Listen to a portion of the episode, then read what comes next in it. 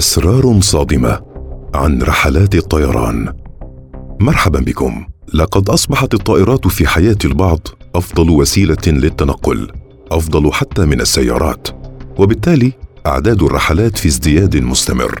أما عن كيفية عمل تلك الطائرات وإلى أي حد هي آمنة فهذا شيء لا يعلمه الكثير. وما هي الأشياء التي يخفيها العاملون بالطائرات وقائديها؟ سنجيبكم في هذا اليوم عن تلك التساؤلات وأكثر فتابعونا. اولا اصطدام الطيور بالطائرات. عندما يتعلق الأمر بالاصطدام الذي يحدث بين الطيور والطائرات فالأكثر تضررا هي الطيور. فقد تقول الإحصائيات بأن نسبة أن تلحق الطيور الأذى بالطائرات أثناء هذا الاصطدام هو 5% فقط. كما أن إفساد المحرك ليس بتلك السهولة. حيث يمكن تحمل الاصطدام بطائر يزن أكثر من ثلاث كيلوغرامات ونصف. ولكن المشكلة التي ستواجه الطائرة المصطدمة بالطائر يرجع إلى المطار لفحصها وانتظار الإقلاع مرة أخرى. هذا الأمر يتسبب في خسارة أمريكا الشمالية وحدها 500 ألف دولار. ثانيا مراقبة الطيور. ما دامت الطيور تشكل خطورة على قائد الطائرة والركاب كان لابد من إيجاد حل لإبقائهم بعيدا عن المجال الجوي. بالطبع لن تنجح الوسائل التقليدية ونصب الافخاخ ولهذا بدأت المطارات الحديثة باستخدام نظام معقد لمراقبة الطيور. يشمل أجهزة صوتية مثل ميجا بلاسر برو طارد الطيور والتي تخيف الطيور بأصوات حيوانات مفترسة. كذلك يصدر رائحة خاصة تكرهها الطيور. يوجد أيضا طارد خاص بالإوز الكندي فهو العدو الأكبر للطائرات. ثالثا المقاعد الأكثر امانا. المقعد الذي خلف مقعد السائق هو أكثر المقاعد امانا بالسيارة وعلى هذا ربما تعتقد أنه كلما اقتربت من السائق في الطائرة أصبحت في أمان أكثر. لكن الحقيقة غير ذلك. نعم السفر بالطائرة هي الوسيلة الأكثر امانا في العالم ولكن حتى تطمئن أكثر. احجز مقعدا من المقاعد الخلفية. أظهرت الأبحاث أنه في حالة حدوث كارثة فأكثر المقاعد تعرض للخطر هي التي بمنتصف الطائرة وأن المقاعد الأمامية فهي أقل خطورة منها. أما المقاعد الخلفية فهي أكثر المقاعد امانا وهي الاختيار الأمثل. إن كنت تعاني من رهاب الطيران. رابعا الطيار النائم.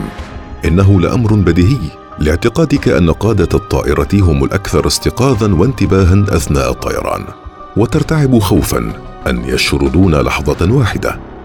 لكن المدهش ما صرحت به نقابة الطيارين وفقا لاستطلاع قد أجرته أن أكثر من نصف الطيارين ينامون أثناء الرحلة. علاوة على ذلك صرح العديد من الطيارين أنهم يجدون مساعد الطيار نائم عند استيقاظهم من النوم. هذا الاستطلاع تم بعد ظهور طائرات الايرباص التي تتسع كبين القيادة بها لطيارين وليس طيار واحد. هذا طبيعي بالنسبة لأشخاص لا ينامون سوى خمس ساعات كل يومين. ولا يمكننا أيضا القول بأن النوم مخالف للقانون.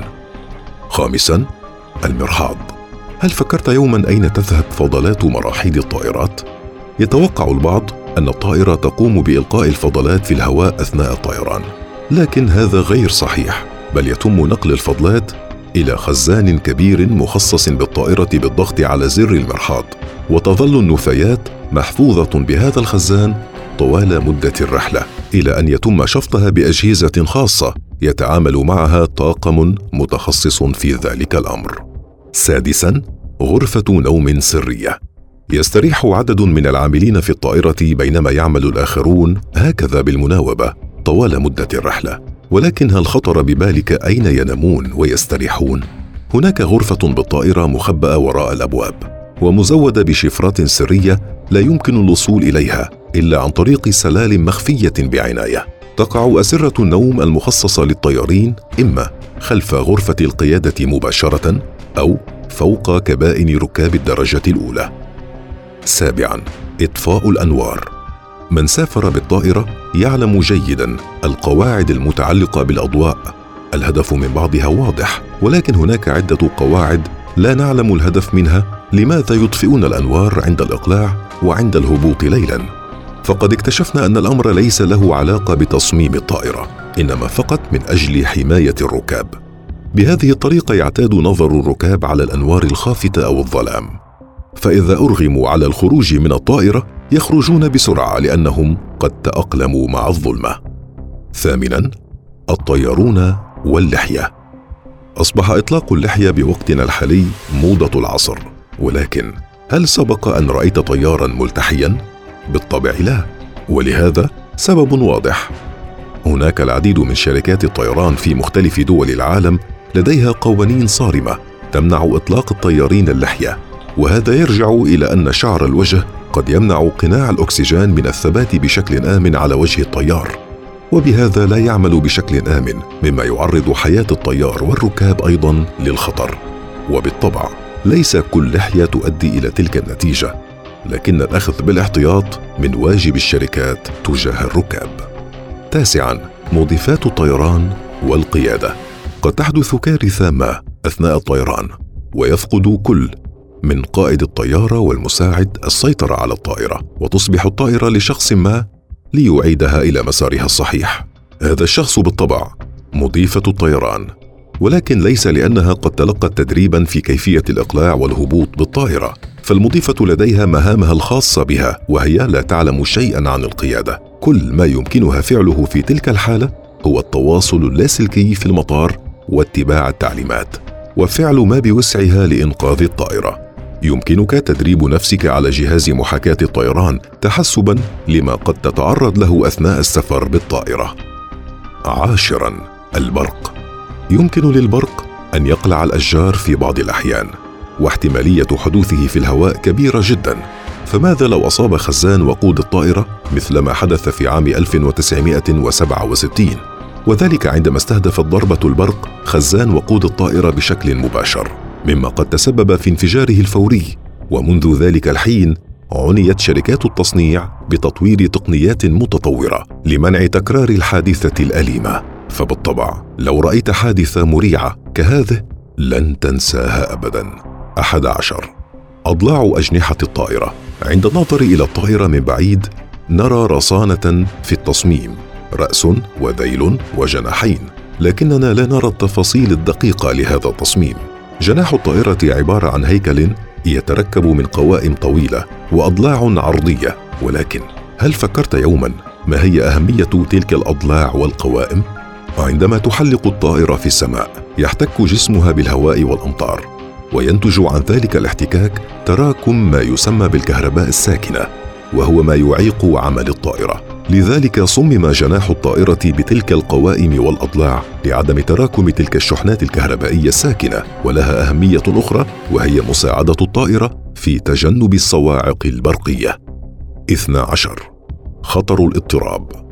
يعد اضطراب الطائرة واهتزازها هو أسوأ مخاوف الركاب. تهتز المقاعد وتسقط الأمتعة من فوق الرفوف واحيانا ترتعش الكهرباء والأضواء. توحي كل تلك الأشياء بحدوث خطر. أليس كذلك؟ ولكن أفاد الطيارون بأن الحوادث التي تنتج من اضطراب الطائرة تكاد تكون معدومة فالطائرة قد صممت بشكل يتحمل تلك الاضطرابات. كذلك يتم تدريب الطيارين على كيفية التحكم بالطائرة والاتجاه إلى مناطق توضحها بيانات الأرصاد الجوية والطقس فلا شيء يدعو للخوف فقط اربط حزام الأمان بإحكام شديد. ثلاثة عشر. طعام الطيار. يتناول الطيار طعامه من الوجبات المخصصة لرجال الأعمال. بينما مساعد الطيار يأكل من وجبات الطعام المخصصة لركاب الدرجة الأولى. الهدف من ذلك ليس التفرقة لكنه إجراء أمني حيث أنه في عام 1984 تسبب الطعام في تسميم 120 فردا من بينهم عشرة أفراد من الطاقم. بمن فيهم الطيار ومساعد الطيار. لذا تم اتخاذ هذا الإجراء لمثل تلك الحوادث. فإن حدث وتسمم أحدهم يتحكم الآخر بالطائرة. أربعة عشر. عصير الطماطم. يحتل عصير الطماطم المرتبة الثانية من أكثر المشاريب طلبا على متن الطائرة حيث أشاد العديد من الركاب بطعمه اللذيذ. وهذه ظاهرة حاول العلماء تفسيرها بشكل علمي وتوصلوا إلى أن طعم عصير الطماطم في الجو يختلف عن الأرض. فما سر هذا الاختلاف. أجاب روبن داندو عالم طعام بجامعة كورنيل في نيويورك بأن السبب هو ضغط الهواء العالي داخل الطائرة الذي يتسبب في تحول طعم العصير إلى الطعم السكري الذي تفوح منه رائحة ثمار الطماطم. خمسة عشر. قناع الأكسجين. هل فكرت يوما لماذا توجد أقنعة الأكسجين في الطائرة؟ ولا توجد أنبوبات أكسجين؟ الإجابة بسيطة وهي أن الطائرة لا يوجد بها أنبوبات أكسجين لثقل وزنها وعدم إمكانية التحليق بها. فعندما تحلق الطائرة لمستويات عالية يقل مستوى الأكسجين لذلك تحتاج لتلك الأقنعة من أجل التنفس بشكل أفضل لمدة 12 إلى 15 دقيقة. تنتهي بالهبوط. يوجد في الأقنعة نظام كيميائي يحدث منه تفاعل في المواد وينتج عنه الأكسجين الذي يدعم الراكب عند حدوث أي مشكلة خلال التحليق. هذه المواد تشتمل على بيروكسيد الباريوم وكلورات الصوديوم وكلورات البوتاسيوم ومن خلال تفاعل تلك المواد تحصل على الأكسجين. 16 المقاعد الزرقاء. إن كنت من محبي السفر ربما لاحظت لون المقاعد الأزرق. في معظم الطائرات. حسنا ما سبب ذلك؟ يعتقد الكثير من الناس بالخطأ أن البقع واللطخات يمكن أن تمتزج بشكل أفضل في اللون الأزرق عن معظم الألوان الأخرى. لكن الحقيقة إن شركات الطيران تهتم براحة الركاب. وتلك المقاعد صنعت من مواد كيميائية مهدئة تجعل الراكب يتمتع بالراحة والهدوء وتقلل من شعورهم بالتوتر أي إن تنعمت بنوم هادئ في الطائرة فربما يكون ذلك نتيجة هذا اللون.